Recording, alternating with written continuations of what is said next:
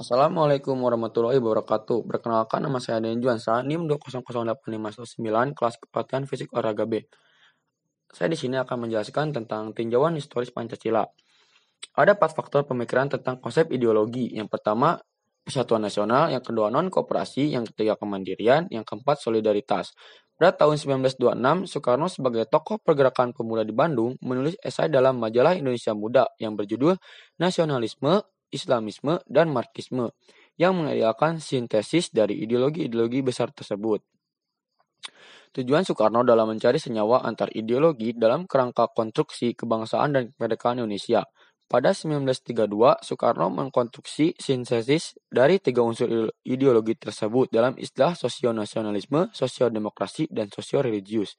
Sebab pemuda adalah hal yang bisa dipandang sebagai monumen hasil pencarian sintesis gagasan antar ideologi yang dibuat pada 28 Oktober 1928. Visi Sumpah Pemuda mempertautkan segala keragaman dalam satu kesatuan tanah air dan bangsa, serta dengan menjunjung persatuan dan kesatuan Indonesia dalam Sumpah Pemuda, kaum muda berusaha menerobos batas-batas etno-religius. Pada tanggal 7 September 1944, Perdana Menteri Kaiso mengucapkan janji bahwa akan memberikan kemerdekaan bagi negara Indonesia. Dan kemerdekaan itu sendiri dibagi menjadi dua tahap. Yang pertama melalui BPUPKI yang tugasnya melakukan usaha-usaha penyelidikan kemerdekaan. Dan kedua disusun oleh Panitia Persiapan Kemerdekaan yang tugasnya menyusun dan menetapkan undang-undang. Tapi rencana itu diubah oleh para pemimpin bangsa.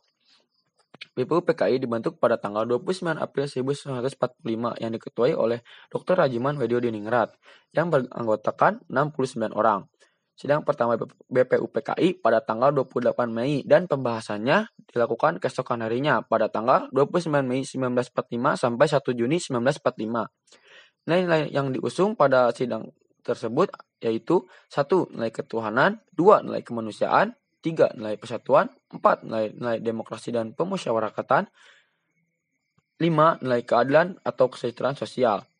Pada tanggal 1 Juni 1945, Soekarno menyampaikan pidato. Soekarno mengajukan lima prinsip. Satu, kebangsaan Indonesia. Dua, internasionalisme dan peri kemanusiaan. Tiga, mufakat atau demokrasi. Empat, kesejahteraan sosial. Dan lima, ketuhanan yang berkebudayaan. Atau yang disebut Pancasila. Sila artinya dasar dan panca adalah lima. Lima dasar itulah mendirikan bangsa dengan kekal dan abadi. Panitia 9 yang tugasnya merumuskan Pancasila sebagai dasar negara dalam suatu rancangan pembukaan hukum dasar.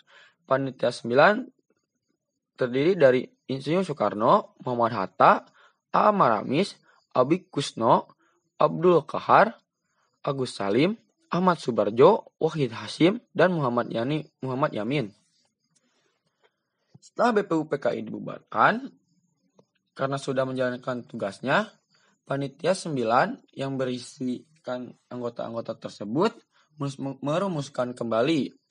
Satu ketuhanan dengan kewajiban menjalankan syariat Islam bagi pemeluk-pemeluknya, dua kemanusiaan yang adil dan beradab, tiga kesatuan Indonesia, dan empat kerakyatan yang dipimpin oleh hikmah kebijaksanaan dalam pemusyawaratan perwakilan, dan lima keadaan sosial bagi seluruh rakyat Indonesia.